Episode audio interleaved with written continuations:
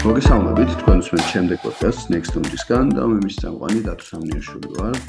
დღევანდელი ჩვენი სასაუბრო თემა შეეხება კლიმატის ცვლილებას, აა გლობალურ დათბობას და ვისაუბრებთ იმაზე თუ დამდგომარეობა ახლა რატომ არის ეს სიტუაცია, რომელშიც ახლა ვიმყოფებით და რაც თავარია, რა შეგვიძლია რომ გავაკეთოთ პრევენციისთვის, ან ამ პროცესების შენელებისთვის, აა აა განახლებად ენერგიაზე გადასვლის მხრივ და საერთოდ სად შეიძლება აღმოჩნდეთ კიდეც ახლო მომავალში ან კიდეც კიდეც ცოტა შორეულ მომავალში.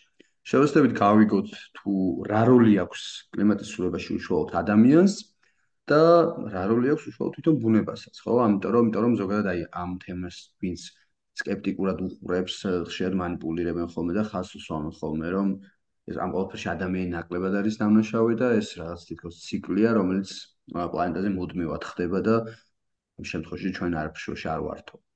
მოკლედ ამ ყველაფერში უკეთ გასარკვევად დღეს ყავს ძალიან საინტერესო სტუმარი, გიორგი მუხიკულაშვილი, კვლევარი ენერგეტიკისა და კლიმატის ცვლილებების მიმართულებით. გიორგი, მოგესალმები, როგორ ხარ? მოგესალმებით, დავით, კარგად. მადლობა. ხო, დაი, ძამიდოდა რომ ჩვენ გვესაუბრა ამ თემაზე, იმიტომ რომ ერთია რომ ზოგადად მიმოვიხილავთ ხოლმე ჩვენ Next-დან ამ თემებს, რაღაც ახალკვებს ვეხებით ხოლმე, მაგრამ მეორეა აი საკითხები რაც დავსვი, უშუალოდ როდესაც ამ თემის ექსპერტს ესაუბრები. და სანამ გადავიდოდეთ ალბათ იმაზე თუ რა რეალობაში ვართ და რა უნდა გავაკეთოთ იმისთვის რომ ეს პროცესები შევანელოთ თუ მოახდინოთ პრევენცია? ზოგადად ალბათ აი თვითონ ტერმინიც რო გამმარტოთ რომელიც ალბათ ჩვენს მენელს ჩვენს მენელისთვის ეს გასაგები იქნება მაგრამ მაინც ალბათ რაღაცა ქრონოლოგიურად რომ მივყვეთ შეგვიძლია ახსნათ ალბათ აი რა იგულისხმება ხოლმე ზოგადად როდესაც საუბრობთ კლიმატის ცვლილებებზე და მართლაც აი რამდენად ბუნებრივი პროცესებია ესეთი, იმიტომ რომ ჩვენ ვიცით რომ ზოგადად ადამიანის საერთოდ გაჩენამდე ეს პროცესები ხდებოდა და ხდება, ხო? ანუ პლანეტა შეგვიძლია რაღაც სოციალ ორგანიზმად აღვიქვათ, რომელიც სტატიკური არ არის და პირობების იცვლება, საერთოდ კონტინენტები იცვლება და ასე შემდეგ.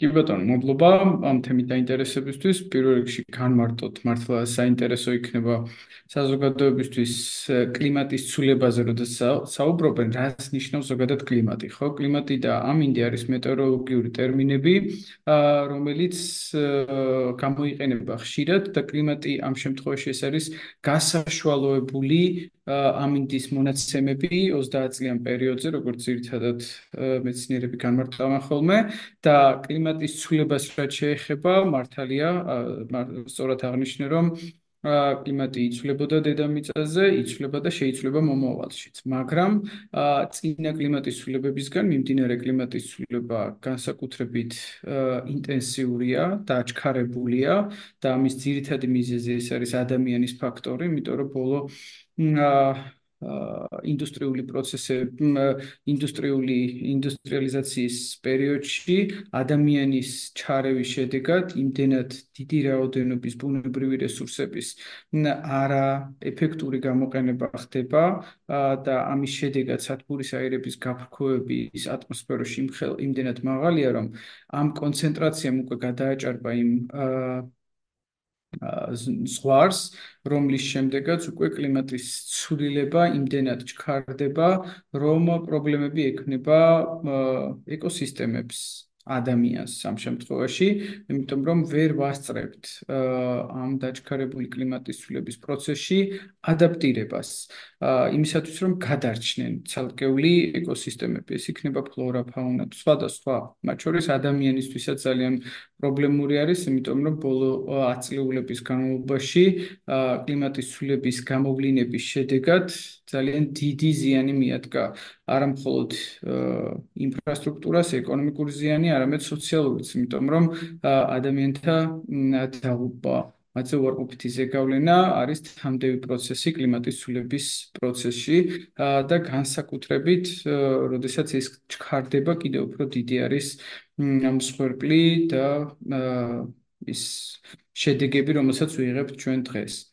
ამის მთავარი მიზეზი, როგორც უკვე აღნიშნეთ, ეს არის ადამიანის ფაქტორი და ეს დადასტურდა კიდეც ასობით მეცნიერი სხვა მსოფლიოს სხვა ქვეყნებიდან მუშაობს ეგრეთ წოდებული გაეროს კლიმატის ცვლილების ჩარჩო კონვენციის ფარგლებში არსებობს ესეთი IPCC პანელი საერთაშორისო მეცნიერთა ჯგუფი, რომელიც იმუშავებს ცალკეული კვლევების საფუძველზე, იმ შედეგებს, რომელმაც რომელთაც ადამიანი აყენებს ზიანს. და ბოლო 10 წლეულების და 100 წლეულების განმავლობაში კარგად იქნა შესწავლილი ის მონაცემები, რომელსაც დედამიწაზე ვაწყდებით, რომ ადამიანის ჩარევის შედეგად მნიშვნელოვნად არის დაჩქარებული კლიმატის ცვლილების პროცესი და ეს აჩვენა არა მხოლოდ კვლევებმა, არა მხოლოდ იმ ანგარიშებმა, რომელიც სხვადასხვა ქვეყნებში სხვადასხვა კვლევით ინსტიტუტების მიერ იდება, არამედ ასევე მოდელირების შედეგებმაც, იმიტომ რომ მოდელირება მოდელირება არის ერთ-ერთი მიმართულება, რომელთაც იკვლევენ, რომ დედამიწაზე კლიმატის ცვლილება როგორ იცვლება სხვადასხვა ფაქტორების ზემოქმედებით და ამ შემთხვევაში შესწავლილი იქნა ის ზეგავლენა, რომელსაც ადამიანი აყენებს ბუნებას. ამიტომ სათბურის აირების გაფრქვევების კონცენტრაციის ზრდის შედეგად იზრდება დედამიწაზე სათბურის ეფექტი, რაც კიდევ უფრო აჩქარებს და უარყოფითად მოქმედებს კლიმატის ცვლილების პროცესზე, იმიტომ რომ სწორედ ამიტომ ქვია სათბურის ეფექტი, რომ მე სითბოს მიღებ სითბოს ჩაიჭერს ატმოსფეროში და ფენებში მაღალი კონცენტრაციის გამო სათბურის აირებისა, რომელიც ვეღარ აღწევს გარეთ, კიდევ უფრო თბება და ეს კიდევ იწვევს შეუქცევად პროცესებს დედამიწაზე. აა ერთი ესეთი შეკითხვა მექნება.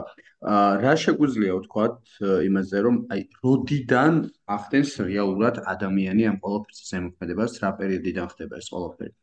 იმიტომ რომ ხო ნუ თავს დავნიშნეთ რომ რაღაც დონეზე მაინც ბუნებრივი პროცესებთან გვაქვს საქმე. მაგრამ არის ადამიანის ძალიან დიდი როლი ამ ყველაფერში და აი როგორ შეგვიძლია ვთქვა ამ ხრივ რა რა აქვს თქვენ კი ბატონო.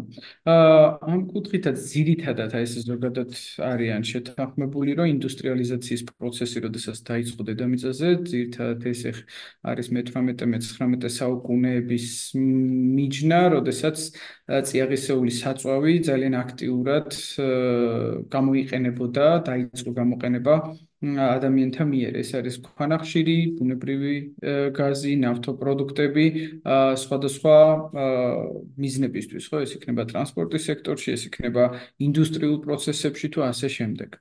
ეს პროცესები ძირითადად მოითხოვს წიაღისეული საწვავის გამოყენებას, როგორც უკვე აღნიშნეთ, ქვანახშირი, ბუნებრივი აირი, ნავთობპროდუქტები, რომელთა წვის შედეგად და მათი გამოყენება ზოგ შემთხვევაში ნედლეულადაც გამოიყენება.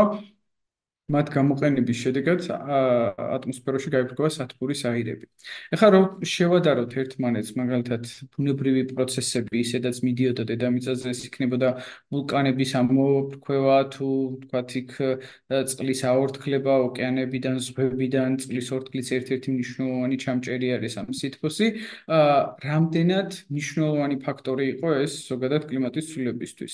აა რომ ასე დაჩქარებული. ამ შემთხვევაში ადამიან ცალსახად არის კვლევები აჩვენებს რომ აა ბევრად უფრო დიდი არის ის ეფექტი რომელმაც რომელსაც ადამიანი თავისი ქმედებით აყენებს დედამიწას უარყოფით გავლენას გულისხმობ და იწვევს კლიმატის ცვლილების კიდევ უფრო დაჩქარებას ვიდრე მიმდინარე ეს ბუნებრივი პროცესები რაც ისედაც მიდიოდა მიმდინარეობს და მომავალშიც მოსალოდნელია მათი გაგრძელება და ამიტომ გაჩნდა ახალი მიდგომები ამ კლიმატის ცვლილების პროცესში, რომ მოხდეს შერბილება და ადაპტაცია. შერბილება ერთის მხრივ გულისხმობს იმას, რომ ის ძირითადი სექტორები, საიდანაც ხდება გაფრქვევები სათბურის აირების, ამ შემთხვევაში ყველაზე მნიშვნელოვანი ენერგეტიკის სექტორი არის, რომელსაც მოყვება ინდუსტრიის სექტორი, სოფლის მეურნეობის სექტორი და ასე შემდეგ. მოხდეს ეტაპობრივად სათბურის აირების გაფრქვევების შემცირება. აა და ეს ეს რეალურად ხდება ახალი თანამედროვე სუფთა ტექნოლოგიების დანერგვის საფუძველზე. მაგალითად, ენერგეტიკის სექტორში ესეთი არის ენერგიის განახლებადი წყაროების განვითარება, როგორც არის ქარიმზე, ჰიდროენერგია, ბიომასის ენერგია, გეოთერმული ენერგია და ასე შემდეგ, ხომ? ასევე ენერგოეფექტურობის ხელშეწყობა. აა რაც გულისხმობს თანამედროვე უფრო ეფექტური ტექნოლოგიების გამოყენებას, როგორც ენერგიის წარმოების, ისევე მოხმარების აა პროცესებში. აა და მეორეს მხრივ ეს არის ადაპტაცია, რომელიც გულისხმობს იმას, რომ უნდა გავაძლიეროთ უნარი აა საზოგადოების, ინფრასტრუქტურის და სხვადასხვა ბიომრავალფეროვნების კონსერვაცია მათ შორის, რომ ხელი შეუწყოთ გადარჩენას. თავდაცვას, ეს არის რეალურად თავდაცვის უნარების გაძლიერება საზოგადოებისთვის, რომ ეს იქნება კლიმატის ცვლილების შედეგად თბური ტალღები, ბუნებრივი კატასტროფები და სხვადასხვა, მათ დამი გავხდეთ უფრო მედეგი. ეს არის მეორე მთავარი მიმართულება, დიახ. კი ბატონო. აი ეს მაინც ძირითადი თემა მინდა ზუსტად ეგ იყოს ამ როგორ შევადნეულთ ეს პროცესი და რაღაც, მაგრამ აი სანამ კიდე მან გადავიდოდეთ, კიდე ერთი ესეთი შეკითხვა მექნება, რომელიც ცოტა უფრო წარსულში გაგვახედებდა და იმიტომ რომ სენსაც შეიძლება გაუჩნდეს უბრალოდ ინტერესი, იმიტომ რომ აი მაგალითად როგორი მაგალითი გვაქვს წარსულში სიტყვაზე, ნუ აი ადამიანის გარეშე, ანუ აი ეს ხო იყო გამყინვარებაც ხდებოდა ხოლმე და გლობალური დათბობაც და აი აა ბოლოს როდის მოხდა გლობალური დათბობა და რა ვიცით რა პროცესები იყო ეს? ანუ რითი გავს და რითი არ გავს? ანუ აი ეს მიმართულება და სადამდე მივიდა მაშინ ეს პროცესები და სად გაჩერდა იმიტომ მეც კი მიჩნდება ხოლმე ეს შეკითხვები რომ გასაგებია რომ სიტყვაზე იქ რაღაც რომები უნდა მივიღოთ რაღაც მაგრამ ну დავუშვათ რომ სიტყვაზე ამ პროცესს მაინც მიდის ხო ეს პროცესი სიტყვა ჩვენ რაღაც დონეზე შეიძლება შევაჩეროთ მაგრამ სადამდე შეიძლება წავიდეს აი უფრო წარსულიდან გამომდინარე მაინტერესებს რა ანუ აი რა პროცესებამდე მივიდა ადრე გლობალური დათბობა და სად გაჩერდა. აი ეს ეს მაინტერესებს რომ რაღაც პარალელი თუ შეგვიძლია რომ დავინახოთ საერთოდ. აა ხო პირველ რიგში აღნიშნავ რომ მე არ ვარ მეცნიერი ამ მიმართულებით სამეცნიერო კვლევებზე მუშაობ, რომ აი წინა ათასეული თუ მილიონი წლების წინ როგორ ხდებოდა დედამიწაზე და რა პროცესები მიმდინარეობდა, პიკებს როდის აღწევდა და ასე შემდეგ. აა მოკლედ შემიძლია იმის თქმა, რომ აა ბოლო პროცესები, რომელიც დედამიწაზე მიმდინარეობდა, არც ისე ამას მიმდინარე კლიმატის ცვლილებასთან შედარებით გაცილებით უფრო იოლ ფორმებში იყო, იმიტომ რომ ამ პროცესს ზოგადად მეცნიერებიც აღნიშნავენ, რომ ეს იმდენად დაჩქარებული არის, რომ რთულდება უკვე ადაპტაციის პროცესები. ბოლო რაც ხდებოდა დედამიწაზე ეს გამყინვარებას უკავშირდებოდა, ციკლური არის ზოგადად ეს ესა, გამყინვარებას მოსდევს მერე და დათბობა, დათბობას გამყინვარება და ასე შემდეგ. ამ ამ ეტაპზე, როდესაც შევდივართ უკვე ეს დათბობის ეტაპი არის და როგორც უკვე აღნიშნე, ეს ერთ-ერთი პრობლემური თემა არის გამომდინარე იქიდან, რომ დაახლოებით რასაც ამბობენ 10 ჯერ უფრო მეტად სწრაფად მიმდინარეობს მიმდინარე პროცესებიდან გამომდინარე კლიმატის ცვლილება ვიდრე ბოლო ცვლილებები დედამიწაზე. აა თუ რა გავლენა მოხდა წინა კლიმატის ცვლილებებს რა იყო მათი თქვათ შედეგები ამ კუთხით ალბათ უფრო უმჯობესი იქნება მეცნიერებთან, გეოლოგებთან, კლიმატოლოგებთან უფრო დეტალური საუბარი. რაც შემიძლია აღნიშნო ის არის რომ დღეს არსებული საერთაშორისო პოლიტიკის ფარგლებში ხომ მივახცეთ უკვე პარიზის ხელშეკრულებას სოფლიოს 195-მა ქვეყანამ ერთიანი ძალისხმევით უნდა დაიწყოს მუშაობა იმაზე რომ როგორ შევამციროთ სათბურის აირების გაბრკვევები გავზარდოთ. ადაპტაციის პოტენციალი იმ ქვეყნებისთვის, სადაც ყველაზე დიდი არის მოწყვლადობა და ზეგავლენა კლიმატის ცვლილებისა და ასევე აღსანიშნავია, რომ მიმდინარე კლიმატის ცვლილება არა კონკრეტულად რომელიმე ერთ რეგიონს, ერთ ქვეყანას, რამდენიმე ქვეყანას ზეახდენს გავლენას, ის მასშტაბურად ახდენს ყველა კონტინენტზე, ყველა ქვეყანაზე გავლენას და ამიტომ ერთიანი ძალისხმევა არის ამ კუთხით მნიშვნელოვანი. აჰა, კი ბატონო. აა აი ხო იმიტომ რომ მართლა რეალურად ძალიან დაჩქარებულია ეს პროცესი მე რაც მე რასაც ხედავ ესე ვთქვათ იმიტომ რომ სულ რაღაც 20 20 წელსაც თავი დავანებოთ ხომ უფრო რაღაც გახედვა მინდა ცოტა შორს 2040-50 წელზე რა პროგნოზებიც არის. ყოველწლიურად ხედავთ რომ ფაქტიურად ყოველი შემდეგი წელი უფრო ცხელია ვიდრე აქამდე იყო და ხო ფაქტია რომ ანუ უნებრივი ანუ ადაპტაციის მომენტისთვის მართლა თითქოს საერთოდ არ ტოვებს პლანეტა კლიმატი ხო დროს იმიტომ რომ ფაუნას ცხოველებს ზოგადად რაღაცნაირად ადაპტაცია გჭირდება, ადამიანებსაც ადაპტაცია გჭირდება საბოლოო ჯამში ამ სულების მიმართ და ახლა უბრალოდ მართლა რაღაც წარმოუდგენლად დაჩქარებულ პროცესებთან გვაქვს შეხება, ხო? და აი აი ბოლო მონაცემებს თუ შევხედავთ მაგალითად აი ახლა ხო? წლევანდელი წელი იყო ფაქტურად ყველანაირი რეკორდები მოხსნა სოფლიო მეტეოროლოგიური სადგურის და კოპერნიკუსის დაკვირვებებით ევროპის. ოქტომბერი და ნოემბერი ყველაზე თბილი თვეები იყო ბოლო თქვათ ასწლეულების განმავლობაში დაკვირვებების შედეგად, რაც გამოაქვეყნეს და ეს ოფიციალური მონაცემები არის და მართლაც საქართველოსში საკმაოდ საგრძნობი იყო ეს დათბობა შემოდგომის პერიოდში. ჰმმ. და აი აქედან გამომდინარე რომ ამოვიდეთ, ანუ ესეთ შეკითხვა გამოჩნდა რა, ანუ აა რა არის უახლოესი მთავარი მიზანი, რომელიც მაგალითად გინდას პარიზის ხელშეკრულების მიხედვით თუ არ მეშლები ხარ შემიშალოს არ მინდა 2 გრადუსზეა ხო? მე მგონი საუბარი რომ სამ დააცდეს აა კი ანუ პირველი არის 1 გრადუ 1.5 გრადუსი და თუ ამას თავიდან იყო 2 გრადუსი.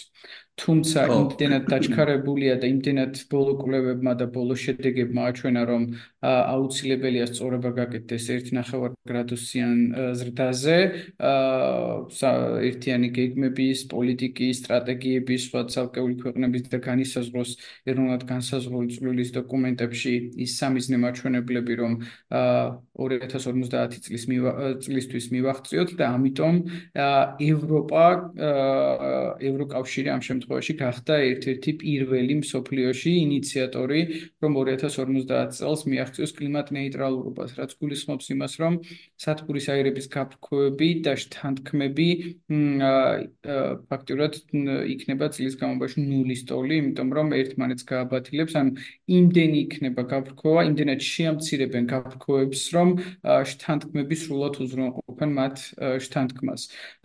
ეს არის ძალიან კომპლექსური, ძალიან რთული თემა, რომელიც მოიცავს არა მხოლოდ რომელიმე ერთ სექტორს, არამედ ყველა მიმართულებას მოიცავს. დაწყებული ენერგეტიკით, გაგრძელებული ტრანსპორტით, ინდუსტრიით, სოფლის მეურნეობით, სხვა და სხვა ასევე ციფრული განვითარება ერთ-ერთი მნიშვნელოვანი ის არის.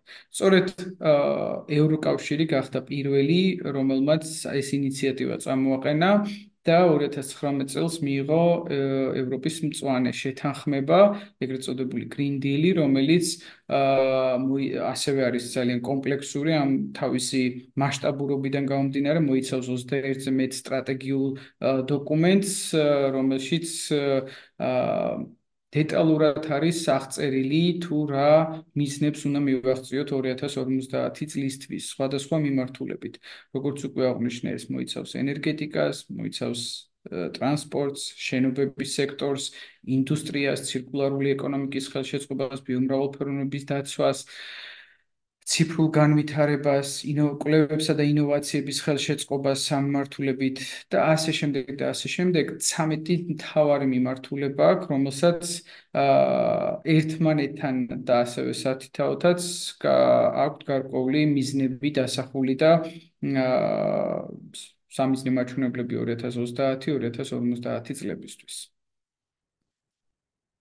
აჰა კი ბატონო, აი ამ ხრივ რა ხდება სხვა რეგიონებში, მაგალითად აი იგივე ჩინეთი რა შვება ამ ხრივ, აზია ზოგადად რა შვება, ამერიკა რა ამერიკაში რა ხდება, ეს ძალიან საინტერესოა. კი ბატონო. აა პარიზის ხელშეკრულების როგორც უკვე აღნიშნეთ, შეუერთდა 195 ქვეყანა, მათ შორის ყველაზე მნიშვნელოვანი იყო ამერიკის შეერთებული შტატები და ჩინეთის მიერთება, გამომდინარე იქიდან რომ ლიდერები არიან მსოფლიოში სათბურის აირების გაფრქვევები და მათი ეკონომიკა იმდენ ეკონომიკები იმდენად დიდია და მასშტაბური რომ რთულია მოხდეს თქვათ ერთი ხელის აღებით სათბურის აირების შემცირება ეკონომიკის განვითარების გაზრდასთან ერთად და მათი შეერთება იყო ძალიან მნიშვნელოვანი ფაქტორი, რომელმაც წლების შემდეგ უკვე დაადასტურა კიდეც რომ რეალურად ისინი იღებენ ამ ვალდებულებას და იწყებენ გარკვეულ მოქმედებებს და დღეს თუ შევხედავთ ჩინეთი მსოფლიოში არის პირველ ადგილზე ენერგიის განახლებადი წყაროების განვითარებით აა მის ტერიტორიაზე. არამხოლოდ ტექნოლოგიების ექსპორტით, არამედ ადგილზე, ვთქვათ, ინსტალაციით, განვითარებით, ბზის ქარის და ასე შემდეგ ჰიდროელექტროსადგურებით. აა ასევე ამერიკის შეერთებული შტატები საკმაოდ აქტიურად უჭერს მხარს და ავითარებს თანამედროვე ინოვაციურ ტექნოლოგიებს, ენერგოეფექტურ ენერგიის განახლებად წყაროებს. ის რისი პოტენციალიც მას გააჩნია. აა და მას მიყვე ამ ყველაფერს მიყვება დანარჩენი სოფლიოც. აა განსხო რითია განსხვავებული პარიზის ხელშეკრულება უკვე არსებული კონვენციისგან, ხო, რომელიც 90 90-იანი წლებიდან ჩვენც ვართ მისი ხელმომწერი. აქამდე იყო ესეთი აზრი რომ რადგანაც განვითარებული ქვეყნები არიან ძირითადი კონტრიბუტორები გლობალურ დათბობაში სათბურის აირების გაფრქვევების თვალსაზრისით მათ უნდა აიღონეს ვალდებულება შემცირების და აქამდე კიოტოს ოქმის საფუძველზე მათ მოეთხოვებოდათ რომ ეს შემცირება შემცირებინათ სხვადასხვა სექტორებში სათბურის აირები. მაშინ როცა განვითარებად ქვეყნებს როგორც საქართველოს არის რომ მხოლოდ ევალებოდათ ანგარიშების წარდგენა, ინვენტარიზაცია, როგორი იყო. შედეგად ამ კვლევების საფუძველზე უკვე საბოლოოდ მივიდნენ დასკვნამდე, რომ არ არის საკმარისი განვითარებული ქვეყნების ძალისხმევა მხოლოდ და საჭირო არის განვითარებადი ქვეყნების ჩართვაც ამ პროცესში. და საქართველოს მსგავსად სხვა განვითარებადი ქვეყნებიც გახდნენ ხელმომწერი პარიზის ხელშეკრულების, რომელმაც აიღეს ვალდებულება ეროვნად განსაზღვრული წვლილის დოკუმენტის შემუშავების პროცესში განესაზღვრათ სამიზნე მაჩვენებლები 2050 წლისთვის და 2050 წლისთვის. 2030 წლისთვის საქართველოს განსაზღვრა თავისი მაჩვენებელი 35%-ით შეემცირებინა სათბურის აირების გაფრქვევები 1990 წლის მონაცემებთან შედარებით. და ცალკეულ სექტორებში სხვადასხვა სამიზნე მაჩვენებლები იქნა აღებული. მეტად ენერგიის გენერაციის ნაწილში 15%, შენობების ნაწილში 5%, აა სატყეო და მიწათსარგებლობის პროცესში 10% და ასე შემდეგ და ასე შემდეგ. თუმცა, დროთ ყოველ 5 წელიწადში ერთხელ არის ეს დოკუმენტები გადასახედი და უფრო ამბიციური მიზნების დასახვა და სამიზნე მაჩვენებლების ჩადება. აა და ბოლო გადაწყვეტილებით საქართველოს მთავრობის გარემოსდაცვისა და სოფლის მეურნეობის სამინისტროს გადაწყვეტილებით გაიზარდა ეს 35%-იანი ზღვარი და 47%-ამდე შეგვიძლია 2030 წლისთვის გავზარდოთ ემისიების შემცირება. იმ შემთხვევაში თუ რა თქმა უნდა ამ კუთხით საქართველოსა ექნება გარკვეული დახმარებებიც, ტექნიკური დახმარება, ფინანსური დახმარება საერთაშორისო კლიმატური ფონდებიდან და ორგანიზაციებიდან. ეს დახმარება კიდევ თავის თავში მოიცავს ერთო სექტორის ჩართულობასაც. ამიტომ ეს 47%-იანი ზღვარი ეს არის ქვეყნის ვალდებულება, რომ ამ შეამციროს გაფრქვევები და კიდევ შეიძლება გაიზარდოს ეს ზღვარი მაგალითად 55-57%-ამდე თუ გაიზრდება საერთაშორისო დახმარებები ტექნიკური, ფინანსური და ასე შემდეგ. საქართველოსთვის ამ ეტაპზე ყველაზე მნიშვნელოვანი გამოწვევას წარმოადგენს ტექნოლოგიური განვითარება. ბოლო 2-3 წლის განმავლობაში შეფასდა ტექნოლოგიური საჭიროებების კვლევა მომზადდა ცალკეული სექტორებისთვის, რა არის ის თავარი გამოწვევები ამ კუთხით. ერთ-ერთი არის ასევე ფინანსური ბის მართვა. ანუ გარდა იმისა, რომ ჩვენ შეგვიძლია მოვიზიდოთ საერთაშორისო ფინანსური ინსტიტუტებიდან, კლიმატური ფონდებიდან დიდი რაოდენობით თანხები მათი განკარგვის პოტენციალი უნდა გაგვაჩნდეს. რაც ასევე არის ქვეყნისთვის გამოწვევა, იმიტომ რომ ამისთვის საჭიროა სპეციალურად აკრედიტებული ორგანოები, ორგანიზაციები, რომლებიც ამ მიმღები იქნებიან და ექნებათ შესაძლებლობა განახორციელონ ყველა ის დაგეგმილი აა ვთქვათ აქტივობები, რომელიც იქნება პროექტის პარკლებში განსახორციელებელი.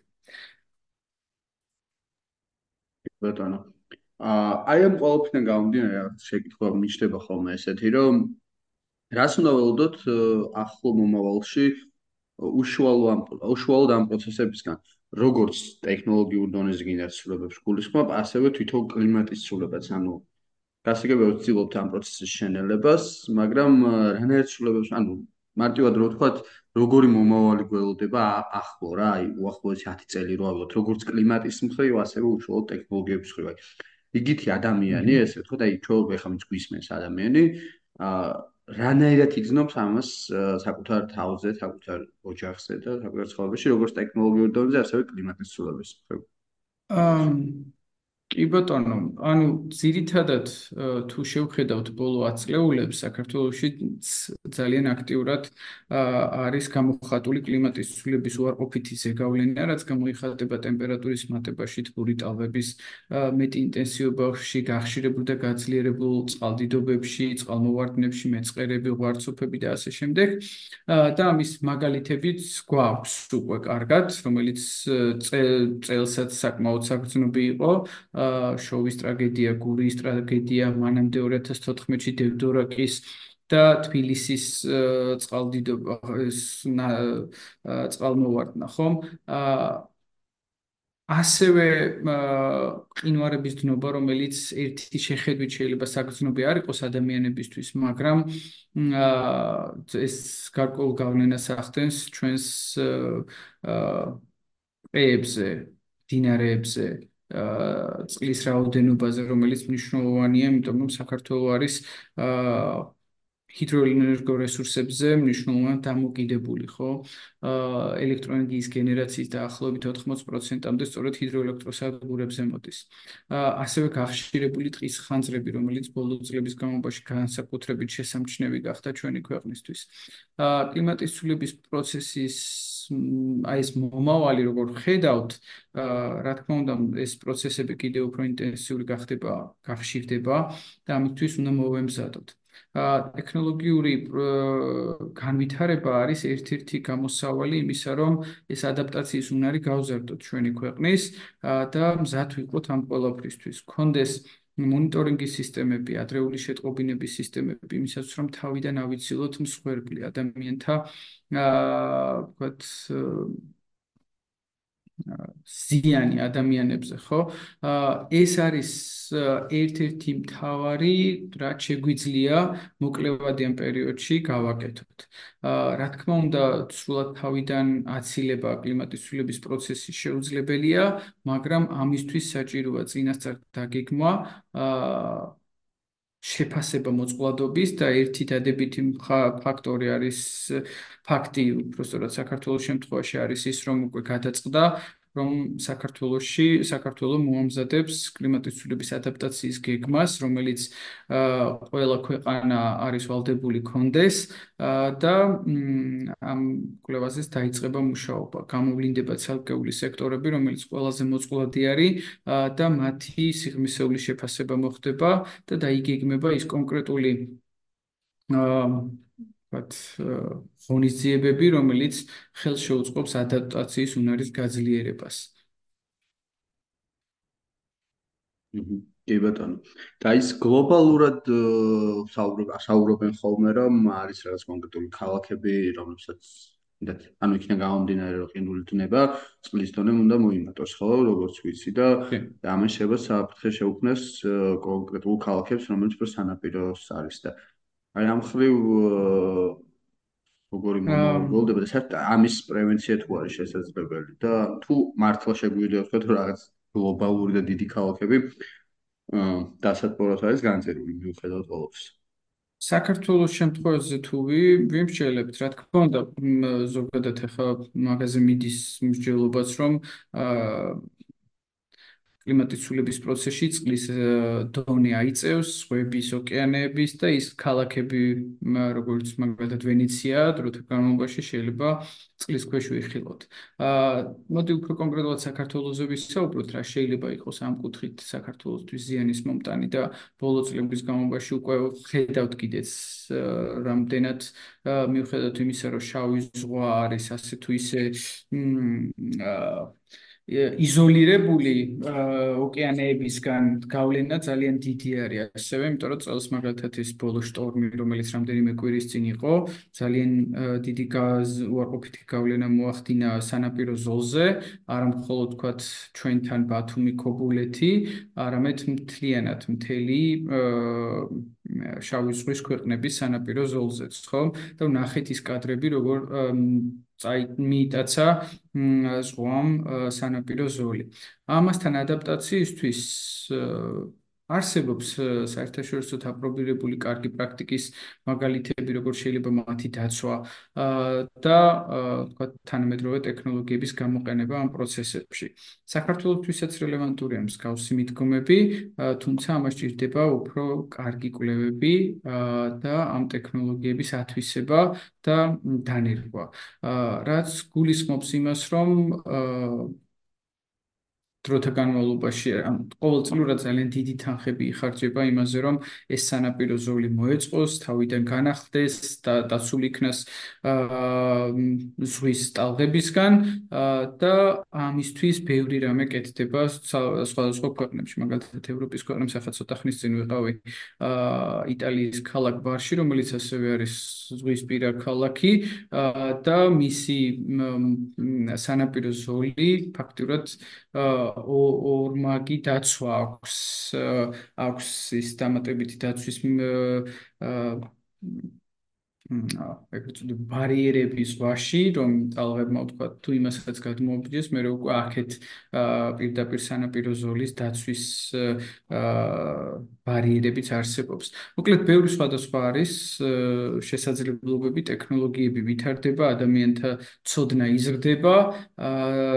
შევედით უკვე ხელოვნური ინტელექტის ეპოქაში და ამ კუთხით ფიქრობ, რომ მეტი განვითარება არის შესაძლებელი, მეტი ცოდნაის აკუმულირება და ამ კუთხით ადაპტაციის უნარის გაძლიერება უფრო მეტად შესაძლებელია ქვეყნების. ჩვენც უნდა უწყოთ ფეხი ამ ყველაფერს და მედია რომ იქნება. ო, ანუ აი ეგ არის საინტერესო, რომ ერთია რაც ხედავთ, მაგრამ მეორეა რომ ტექნოლოგიები ვითარდება და ამან შეიძლება რაღაც კიდე ალტერნატიული საშუალებების გააჩინოს გინ პრევენციისთვის, გინ პროცესების შენელებისთვის, რომელიც შეიძლება ჩვენ ახლა ჯერ ამ წავს არ ვიცოდეთ, ხო, რაღაც დონეზე, იმიტომ რომ ტექნოლოგიები რაღაც დონეზე სად რაღაცა გარღვევა მოხდება ბოლომდე, მაინც არასდროს არ ვიცით წინასწარ და კიდეც ხელოვნური ინტელექტი ახსენე და კომპიუტერები რაღაც ეტაპზე ну, სანამ პირველი მსგავს ტექნოლოგია გამოჩნდებოდა, საერთოდ წარმოუდგენელი იქნებოდა ვიღაცისთვის, რომ მსგავსი ტექნოლოგიის ახლა განვითარება განესაზღვრა ან ეწინასწარ მეტყოლებინა. აა აი ესეთი შეკითხვა მაქვს კიდე რა, როდესაც საუბრობთ კლიმატის ცვლილებაზე და იმაზე თუ რა შეგვიძლია ამ ხრივ გავაკეთოთ, სულ მიჩნდება ხოლმე ესეთი შეკითხვა, რომ რა არის ის სადამდე შეიძლება აი საბოლოოდ მივიდეს ეს ყველაფერი, გინდაც ცუდი სცენარი რომ ავიღოთ. ანუ ჩვენ ხო რეალურად აი მე ყოველ ამის დაზუსტებაც მინდა. ჩვენ ხო რეალურად საუბრობთ იმაზე რომ ეს პროცესები შევანელოთ მაგრამ ამ პროცესების სულად გაჩერება ხო შეუძლებელია ალბათ ხო? აი ეგ მინდა. თვითონ კლიმატის ცვლილებას გულისხმობ გლობალურ დათბობას გულისხმობ და რა პროგნოზები არის? ამ თუ გვაქვს საერთოდ ესეთი პროგნოზები რომ ну აი ავიღოთ პირობითად ცოტა უფრო შორეულ მომავალში რომ გავიხედოთ სადამდე შეიძლება მიდიოდეს ეს ცვლილებები შეროთქვი რომ აი არის ციკლური ხო? სადამდე შეიძლება ეს ყველაფერი მიდიოდეს და სად უნდა სად შეგვიძლია რა თქმა უნდა ამის მიახლოებით თქო სად უნდა ჩერდი გაჩერდეს ანუ რა არის ესე ვთქვათ ეგრეთ წოდებული მაქსიმუმი ამ ყველაფრის რა აი ეგ მაინტერესებს თუ შეგვიძლია მაგაზე საუბარი ამ გადმოსახედიდან და ამ რეალობიდან. აა მოკლედ იმაზე რომ ვისაუბროთ სადამდე შეიძლება წავიდეს ეს კლიმატის ცვლილების პროცესი როგორც უკვე აღნიშნე აა გახშირდება გარკვეულ ეტაპზე გახშირდება ეს უარყოფითი ზეგავლენა ბუნებრივი კატასტროფების რაოდენობა მოიმატებს ეს დათბობის სისიც მაგრამ არ მოხდება ისე რომ ახლა რაღაცა დინოზავრებივით გადაშენდეს ხო აქ ადამიანთა მოდგმა. ანუ ამ კუთხით სწორედ არის ის რომ მივდივართ იქეთ რომ ეს ყველაფერი გაძლიერდება მიაღწევს გარკვეულ X რაღაც ეტაპზე და მე ისევ უკვე დაიწყებს დაღმასვლას ჩვეულებრივ დედამიწა არის ცოცხალი ორგანიზმი მარტივად რო ვთქვათ ხო? რომელიც თავის თავს აა აქვს გარკვეული ციკლები მას თავის სიცოცხლის განმავლობაში და თუ რაღაცა პრობლემები იქნება თავის თავის მკურნალობაც ცუდად არ გამოსდის ყოველ შემთხვევაში აქამდე არ გამოსდიოდა. თუმცა ამაში უნდა დავეხმაროთ ჩვენ ეს არის ეს ჩვენ მკურნალობას არიწევს იმედია ხო აი თავარია ჩვენ უნდა დავეხმაროთ ამ პროცესში. ჩვენგან კურნალობა ხო აი ეს რამდენად სწორად მოშობით ვუდგებით ახლა ამ კუთხით ეს ეს კიდევ კითხვის ნიშნის ქვეშ არის. ამ შემთხვევაში საფიქრობ რომ ერთად ჩვენც უნდა დავეხმაროთ და აი ეს პროცესები ნელ-ნელა შერბილდეს სწორედ ამიტომ ქვია შერბილება რეალურად ძალიან კარგი სიტყვაც გვაქვს ქართულად რომ კლიმატის ცვლილების ესეც სწრაფი გადასვლის პროცესი შევამრბილოთ და უფრო გავხადოთ ჩვენთვის ხელსაყრელი დრო მოვიგოთ და მოვახდინოთ მასთან ადაპტაცია. ამ კუთხით ის თუ საით შეიძლება წავიდეს ეს პროცესები, სიმართლე გითხრათ, ბოლოა ეს მოდელირების შედეგები, რაც დაიდო მაგალითად წელს კოპი ჩატარდა 28-ე, სადაც იყო სინთეზური ანგარიშების წარმოქმნილი არსებული კვლევების საფუძველზე, რომ რამდენად ვართ სწორ გზაზე და აჩვენა, რომ მნიშვნელოვნად მეტია შესამცირებელი კიდევ ვიდრე აქამდე დაგეგმილი ქონდა ვთქვათ ამ წლების განმავლობაში. და თუ ასე გავაგრძელებთ ამ ტემპებით შეიძლება მართლა შეუქცევადი გახდეს პროცესები. დედამიწაზე ერთის მხრივ ეს გულისხმობს იმდენად დათბობას, რომ ძალიან მცირე რაოდენობა თუ მოახდენს ადამიანების გადარჩენას და ბევრი სხვადასხვა ამ ყველაფერს მოსდევს ყინვარების დნობასთან ერთად წყლის დონის აწევა, მკნარი წყლის რესურსების შემცირება და თქვენც უკვე წარმოგიდგენიათ რასთან შეიძლება იყოს ეს დაკავშირებული, ხო? თუ ბიომრავალფეროვნება შემცირდება, შემცირდება საკვები და ასე შემდეგ და ასე შემდეგ, ეს რეალურად შეამცირებს გადარჩენის შანსებს. ამ პროცესში სწორედ ის არის საჭირო რომ ჩვენც მივეხმაროთ და შევამციროთ გაფრქვევები, ეფექტურად მოვეხმაროთ ბუნებრივი რესურსები, არა მხოლოდ ენერგეტიკული რესურსები, არამედ სხვა წიაღისეული ბუნებრივი რესურსებიც და ამ კუთხით გავზარდოთ ასევე პარალელურად ადაპტაციის პოტენციალიც, რომ მოვახდინოთ ამ პროცესებთან შეგუება. ეს არის ერთ-ერთი გამოსავალი სხვა ფაქტიურად ამ ამ კუთხით არ არ არსებობს ამ პროცესში შერბილება და ადაპტაცია. კი ბატონო, და ძალიან ისეთი საუბარი ყო, ხა ჩვენ რაღაც დონეზე გაგვაჩნია ტექნოლოგიები, რომელიც რაღაც ეტაპზე, რაღაც დონეზე დაგვიცავს, მაგრამ მეორეა, რომ ბიომრავალფეროვნებაზე რო საუბრობდით, ცხოველები, მცენარეები, რომლებსაც უბრალოდ დრო სჭირდებათ ამ ყველაფერზე ადაპტაციისთვის და აი მე მე ესე ვხედავ ხოლმე რომ მათთვის უფრო კიდევ მეტად არის მოსაგები დრო ამ ხრივ რომ მოხდეს გადაწყობა იმიტომ რომ თუ ეს ბალანსი დაირღვა ну მე უკვე ვიცით რომ არ ვიცით უფრო სწორად სანამ შევამო მიგვიყვანოს ხო რეალურად კი ბატონო აბსოლუტურად გეთანხმებით და მათთვის ზრუნვა არის ერთ-ერთი მთავარი ფაქტორიც იმიტომ რომ მათ გარეშე რეალურად კვებითი ჯაჭვი მოირღვევა დედამიწაზე, საკვები რესურსები ამოილევა და ამ კუთხით არათუ ის პირდაპირ ზეგავლენა კლიმატის ცვლილების ჩვენზე თბური ტალღები იქნება, წყალმოვარდნები თუ რაღაცა, ხო? ანუ საკვები იქნება მთავარი პრობლემა მე, ხო?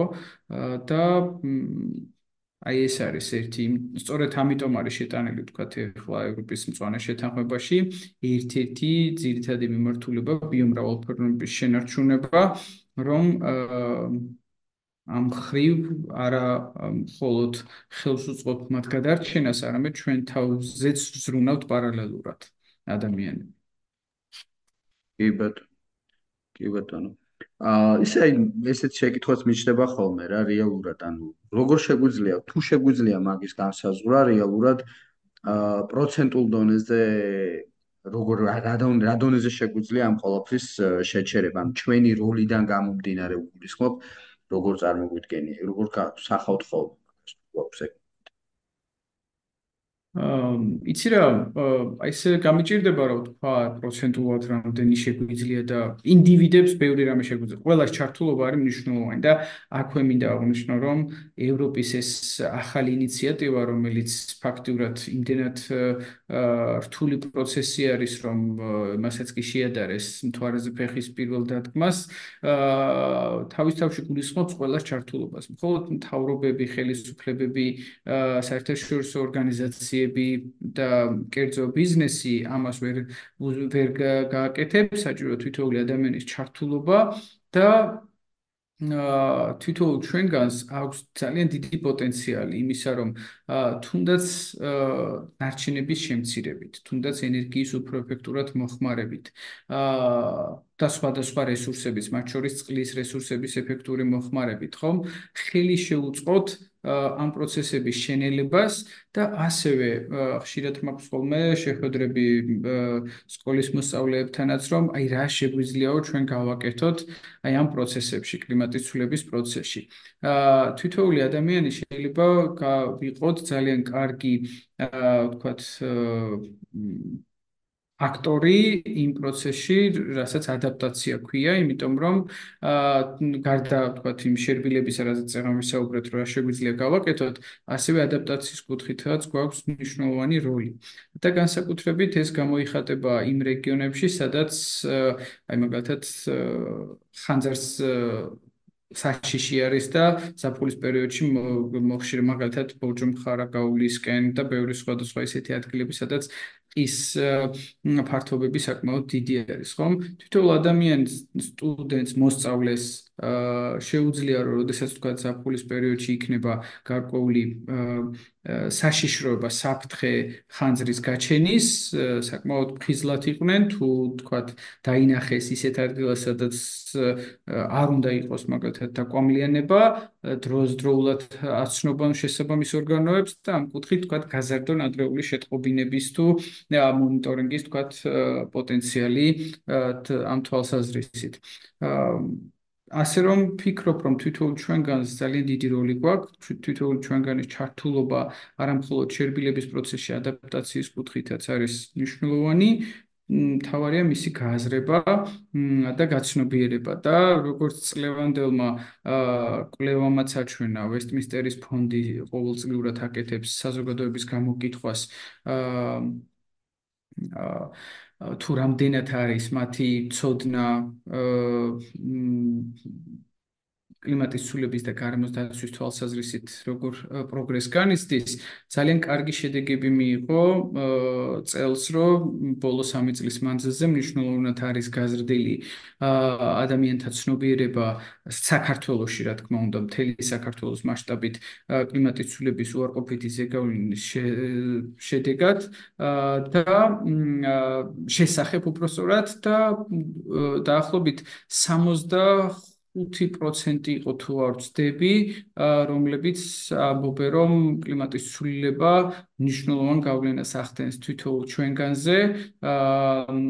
და ჩვენი მოვალეობა არის, რომ გარკვეულ ვალდებულებებსაც აკისრებენ არა მხოლოდ მთავრობას, კერძო ბიზნესს, საერთაშორისო ორგანიზაციებს, არამედ საკუთარ თავს საკუთარ როლზეც საუბრობენ, რომ რა შეუძლიათ გააკეთონ, როგორ შეუძლიათ თქვათ შერბილებაში და ადაპტაციაში თავიანთი წვლილი შეიტანონ. ამიტომ ეს მნიშვნელოვანი ფაქტორია, რომ საზოგადოების ცნობიერება ამ კუთხით იზრდება ყოველწლიურად საქართველოში. ხო, აი, ეგ შეკითხვა მქონდა ზუსტად ეხა ბოლოსაც თავად თუ ახსენე, ან ხო, აი, საზოგადოების ცნობების ამაღლება და ინფორმირება. ზოგადად და აი რამდენად ინფორმირებულები ვართ ამ ხრივ ხო და ალბათ ესე იგი როგორც შენ თქვი იზრდება ეს ფაქტია ხო რეალურად კი კი კი კი აი მაგალითად თუ შევადარებთ 2022 და 2023 წლების მონაცემებს აა ის თუ რამდენად მძაფრად აღიქვამენ კლიმატის ცვლილების გავლენას და რომ მათზე ახდენს რეალურად გავლენას ხო 65%-ია წელს და 59.5% იყო 2022 წელს. ეს რა თქმა უნდა ნაწილობრივ განპირობებულია იმ ფაქტით, რომ მოხდა შოუის, გურის ტრაგედიები. აა მაგრამ ამასთან ერთად არის გაზრდილი ცნობიერებაც ამ კუთხით, რომ აა ვის პასუხისგებლობას ხედავენ, თავიანთ როლზე საუბრობენ ადამიანები, რომ რა შეუძლიათ გააკეთონ მათ ამ მიმართულებით. ხო, აი ეგ ხო საინტერესოა, იმიტომ რომ ერთი მხრივ ნამდვილად კარგია, მაგრამ მეორე ხო შეიძლება მეორე მხარეს კონდეს ის, რომ შეიძლება ცოტა უარყოფითი დავინახოთ იმ კუთხით, რომ უკვე რეალურად მართლა ხელშესახებია და უფრო მეტ ადამიანს ეხება ეს და შესაბამისად ეს ფაქტორი შეიძლება იყოს. კი, ალბათ ხო ერთ მაგალითს ვიტყვი რომ რეალურად ხშირად მიწევს ხოლმე რეგიონებშიც ჩატარება შეხვედრების კლიმატის ცვლილების საკითხებზე და იქ ხშირად საუბრობენ რეგიონის წარმომადგენლები არა მხოლოდ იმ გახშირებულ თქვათ ბუნებრივ კატასტროფების და თქვათ მოვლენების სიხშირეზეც ხო აა კი ბატონო ასევე სოფლის მეურნეობის კუთხით რა არის ის ერთადი გამოწვევები და ბევრი სხვა და სხვა ის უჩვეულო ფაქტებზეც საუბრობენ რომელიც რომელიც ბოლო 20-30 წლის წინ განმავლობაში უფრო ინტენსიური გახდა და თქვა შესამჩნევი გახდა, რომელიც ადრე ასეთი არ არ ხდებოდა რეალურად. და ეს საინტერესო ფაქტია. ნამდვილად ხო და ნუ ეს პროცესები ფაქტია, რომ უფრო ხო, ნუ უფრო გვეხება რაღაც დონეზე. აა არ ვიცი, ალბათ შეგვიძლია ნელ დასრულსკენ წავიდეთ, უბრალოდ მინდა ესეთი შეკითხვაც დავსვა, აი პოლიტიკის მხრივ რა ხდება? ანუ აი მაგალითად ვიცით რომ ტრამპს ესეთი მიდგომა ქონდა ამ მხრივ, ხო, უფრო არ აღიარებდა ამ პრობლემას და ზოგადად ტრამპისტები მაგ მხრივ გამოირჩევიან ხოლმე. ჩვენც ყავს, ესე ვთქვათ, ქართულ რეალობაში პოლიტიკა, პოლიტიკოსები, ვინც იდეოლ თავიანთი იდეოლოგიური და იდეოლოგიური ხედვიდან გამომდინარე, თითქოს ამ ყველაფერს პირისპირდებიან, არ ვიცი, მაგრამ უფრო იგნორირებას ახდენენ მათ, ну, მაგალითად აი ეს ნეოლიბერალური ხმალთა გიჩისი შეგვიძლია ვთქვათ, რომ არქ პოლიტიკა, რომ თითქოს ამ ამ ამ მაგით манипуლირებენ ხოლმე, რომ ადამიანი ნაკლებად არის ამ ყველაფერში და ნუ ეს ყველაფერი პროცესებია, ჩვენ მოდი ამით ეკონომიკას ნუ დავაზარალებთ ხოლმე და აი შეგვიძლია ბოლოსკენ ამაზეც ვისაუბროთ, პოლიტიკაში რა ხდება, რა ძვრები არის ამ ხრივ და ну ის რომ ეს ძალიან მნიშვნელოვანი ხა პოლიტიკა განსაზღვრავს შემდეგ ყველაფერს ხო მათ შორის იმ აქტივობებს და აქტივიზმს რაცაც რაც შემდეგ გჭირდება ამ ხრივ და აი ამ ხრივ როგორი ძვრები არის პოლიტიკაშიც გინ გლობალურ დონეზე რა ან თუ ათხოვთ რამეს რომ შეიცვალა მაგალითად ეს ხედვები. ან ან არა არ შეიცვალა და ისე თავის პოზიციები უკავიათ ხო გინდა ამერიკაში გინდა ევროპაში. ხო ხო. აი ბოლო ბოლო კოპის შეხვედრა კონფერენციის მხართ შეხვედრის 22 კონფერენცია მაჩვენა რომ რეალურად ინტერესი კიდევ უფრო გაზრდილი არის მსოფლიოს წამყვანი ქვეყნების, რეგიონების კუთხით, რომ კიდევ უფრო გაზარდონ შერბილების პოტენციალი, ადაპტაციის შესაძლებლობები და ამ კუთხით კიდევ უფრო დიდი რაოდენობით ფონდების მობილიზებას ახდენენ. და კარგი კითხვა იმ იმ კუთხით რომ არიან კი სხვა ქვეყნებშიც ეგრეთ წოდებული ლიბერალური და დამოკიდებულების მქონე პარტიები, ადამიანები ზოგადად რომლებიც ფიქრობენ რომ თავისუფალ ბაზარს შეუძლია ყველაფრის თავისი დარეგულირება და არაა საჭირო ესეთი მეებში ჩარევა. მაგრამ ეს არის ისეთი მოვლენები, რომელსაც თავისუფალი ბაზარი ვერასდროს ვერ დაარეგულირებს ჩემი აზრით ყოველ შემთხვევაში და აქ საჭირო არის ჩარევა. ერთიანი ძალის ხმევა. იმიტომ რომ თუნდაც ეკონომიკაში ცნობილი არის ის გარე ეფექტები ექსტერნალიტები ხო რომელთა ესე პირდაპირ ბაზარს მისი გათვალისწინება არ შეუძლია თუ არ მოხდა თქვა ჩარევა რეგულირება და ასე შემდეგ. ამ კუთხითაც კლიმატის ცვლილება ეს არის გარდაუვალი პროცესი რომელშიც თუ თითოეული ჩვენგანი არ შევიტანთ ჩვენ წვლილს და ამ კუთხით არ ვიმუშავებთ რომ ეს იქნება იქნება ფინანსური რესურსების მობილიზება, ტექნოლოგიური განვითარება თუ სხვა და სხვა, რეალურად მომავალი ფაქტიურად არ ჩანს ამის გარეშე. და ცუდია რომ ვაწყდებით ხშირ შემთხვევაში ისეთ დეзинფორმაციასაც არასწორ ინფორმაციას მოწოდებულ შეიძლება გამიზნულად გამიზნავათ თუ ასე შემდეგ ზოგ შემთხვევაში დაბალი ცნობიერების გამოც რომ აი კლიმატის ცვლილება მოგონილი თემაა იმისთვის რომ რეალურად მოხდეს გადანაწილება რესურსების და ასე შემდეგ თუმცა თუ შევხედავთ ამ ყველაფერს უკვე თითოეული ადამიანის გზნობს თავის თავზე ამ ყველაფრის გავლენას და არ არის საჭირო ეს შეთქმულების თეორიებიზე მეტი ფიქრი და რაღაცა ხო ამ კუთხით მართლა რეალურია ეს პროცესი და ამის დასაბუთება არა ვიღაც პოლიტიკოსებს, არამედ მეცნიერთა ასეულობით ჯგუფებს შეუძლიათ ერთ რომელზეც მუშაობენ. ამიტომ ეს მე ჩემი აზრით ყოველ შემთხვევაში ეს ვფიქრობ, რომ ერთიანი ძალისხმევა არის საჭირო ამ კუთხით და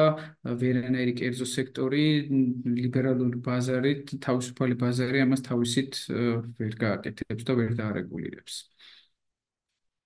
აჰა, კი ბატონო. ხო, იმიტომ რომ რეალურად ეს პოლიტიკური აქტორები ბევრ რაღაცას განსაზღვრავენ და ნუ მნიშვნელოვანია ხო და ამ ხრივ ალბათ პოლიტიკა მაინც რაღაც დონეზე არის დამოკიდებული ხო? პოლიტიკოსების ხედვით არის დამოკიდებული საერთო ჯამში მაინც სამორჩეველზე მოსახლეობაზე თუ ესე ვთქვა ბჭყალებში ამ ხრივ ბრძოლას მოვიგებთ მათ შორის პოლიტიკოსებსაც მოუწევთ ვის ვისაც შეიძლება იდეოლოგიურადაც საწინააღმდეგოს რაღაცა რაღაცის გადაფასება ხო? მათ შორის არაპოპულარული შეიძლება გახდეს მსგავსი განცხადებების გაკეთება რომელიც კლიმატის ცვლილებებს შეეწინააღმდეგება.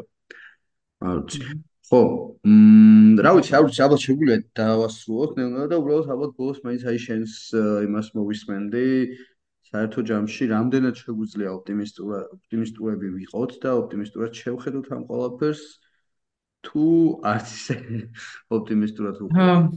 აი რა გველოდება რამდენად ხო, აი მაგის. თუ მხოლოდ კლიმატის ცვლილებას შევხედავთ და აა იმედი მაქვს რომ ის ინტერესი რაც დღეს არის ამ კუთხით რომ ქვეყნებმა სოფლიოს სხვადასხვა ქვეყნებმა აიღონ ვალდებულებები შეასრულონ განახორციელონ აა ტექნოლოგიურ განვითარებას შეუწყონ ხელი თუ ამ ტემპებით გაგრძელდება მე ვფიქრობ რომ გვაქვს ოპტიმიზმის საფუძველი თუმცა არის გარკვეულ გამოწვევების დედამიწაზე ხო ეს ომები ჩვენ რეგიონ ჩვენს რეგიონში სხვადასხვა ესენი რომელიც ტრიგერები რომელიც ასევე იწვევს გარკვეული მების გადატანას ხო პრიორიტეტების გადატანას. ამიტომ კლიმატის ცვლილებას თუ კარგად გაიაზრებენ გადაწყვეტილების მიმღებები თუ რამხელა მასშტაბის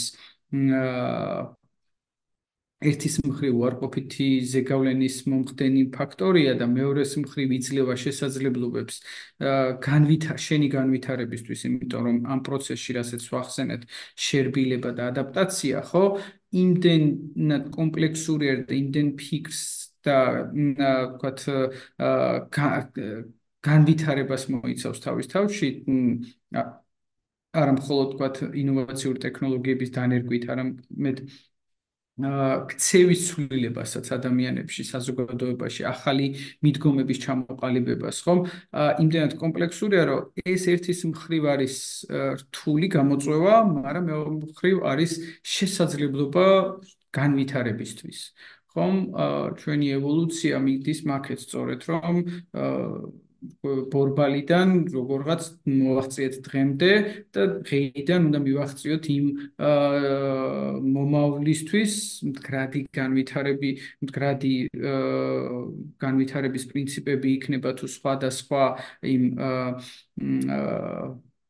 ნიშნულოვანი ვთქვათ გზის გავლით რომ მომავალმა თაობებმა შეძლონ სრულყოფილად ცხოვრება დედამიწაზე და ვფიქრობ რომ ამის ოპტიმიზმის საფუძველს მაძლევს ის რომ ვართ ისეთ ეპოქაში ტექნოლოგიური განვითარების ეპოქაში როგორც უკვე ახსენეთ ხელოვნური ინტელექტის ეპოქაში სადაც მეტი შესაძლებლობებია ჩვენ გავაკეთოთ და სწორ გზაზე დავდგეთ.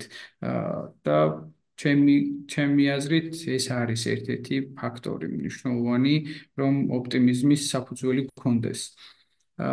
და იმედი მაქვს, რომ ყველაფერი უკეთესობისკენ შეიცვლება. რადგანაც დასკვნა ის ფაქტურად ბოლოსში ვართ, მინდა წინასწარ მოგილოცოთ დამდეგი შობა ახალი წელი თქვენს მაყურებლებს და წარმატებული 2024 წელი გისურვოთ. მადლობა, მადლობა დიდი და მედი ვიქონიოთ, რომ ხო, უკეთესი მომავალი იქნება. ნახოთ 2024 რამდენად ცხელი იქნება. ალბათ ამ ეტაპზე მაინც კიდევ უფრო ცხელი, ხო, თუ შევხედავთ პროგნოზებს პოსტასთან დაკავშირებით. ხო, და ნუ რა ვიცი, უნდა ვიქონიოთ იმედი უკეთესის, მაგრამ ეს იმედი არ უნდა იყოს, ხო, რა თქმა უნდა, აერზე და ეს უნდა იყოს ჩვენი აქტივობით და რეალური საქმით გამყარებული. რა თქმა უნდა. თქმა უნდა და მაინც მეც მე მაინც ხარ ну სადაც ამდენი შეძლო ადამიანმა და რა ვიცი ფაქტიურად ხო გამოქვაბულებიდან რა ვიცი მთვარეზე დაუდგით ფეხი აგერ ხა მარსისკენ ვიხედებით და თუმცა კი საკუთარ პლანეტაზე გავაჩინეთ ძალიან ბევრი პრობლემა მაგრამ რა ვიცი რაღაც დონეზე მაინც ეს ყველაფერი ეს შესაძლებლობები ის ნოლიდან რამდენი რაღაც შეძლეთ მაინც ალბათ უნდა აჩენდეს იმ ოპტიმიზმის ოპტიმიზმის რაღაც დონეზე ალბათ რაციონალური მეცაც რომ მეტი შეგვიძლია და ეს ყველაფერი ჯერ კიდე დასაწყისია ადამიანს გულისხმობ რომელიც რაღაც ეტაპებს გადის ამ სამყაროში და მიწევს უფრო განვითარებისკენ და სამყაროს შემეცნებისკენ და იმისკენ რომ ეს გზა გავაგრძელოთ საკუთარ სახლს უნდა მივხედოთ და შემდეგ ისევ გავიდეთ გარეთ და ვნახოთ რა ხდება სამყაროში თლიანად. მადლობა კიდევ ერთხელ ძალიან დიდი რომ ჩვენ თენთად იყავი. ასევე მოგილოცავ ყველაფერს წინასწარ და ასევე სვენელსაც მოგილოცავ და აა შევხვდებით მომავალ წელს. მადლობა. მადლობა, კარგად.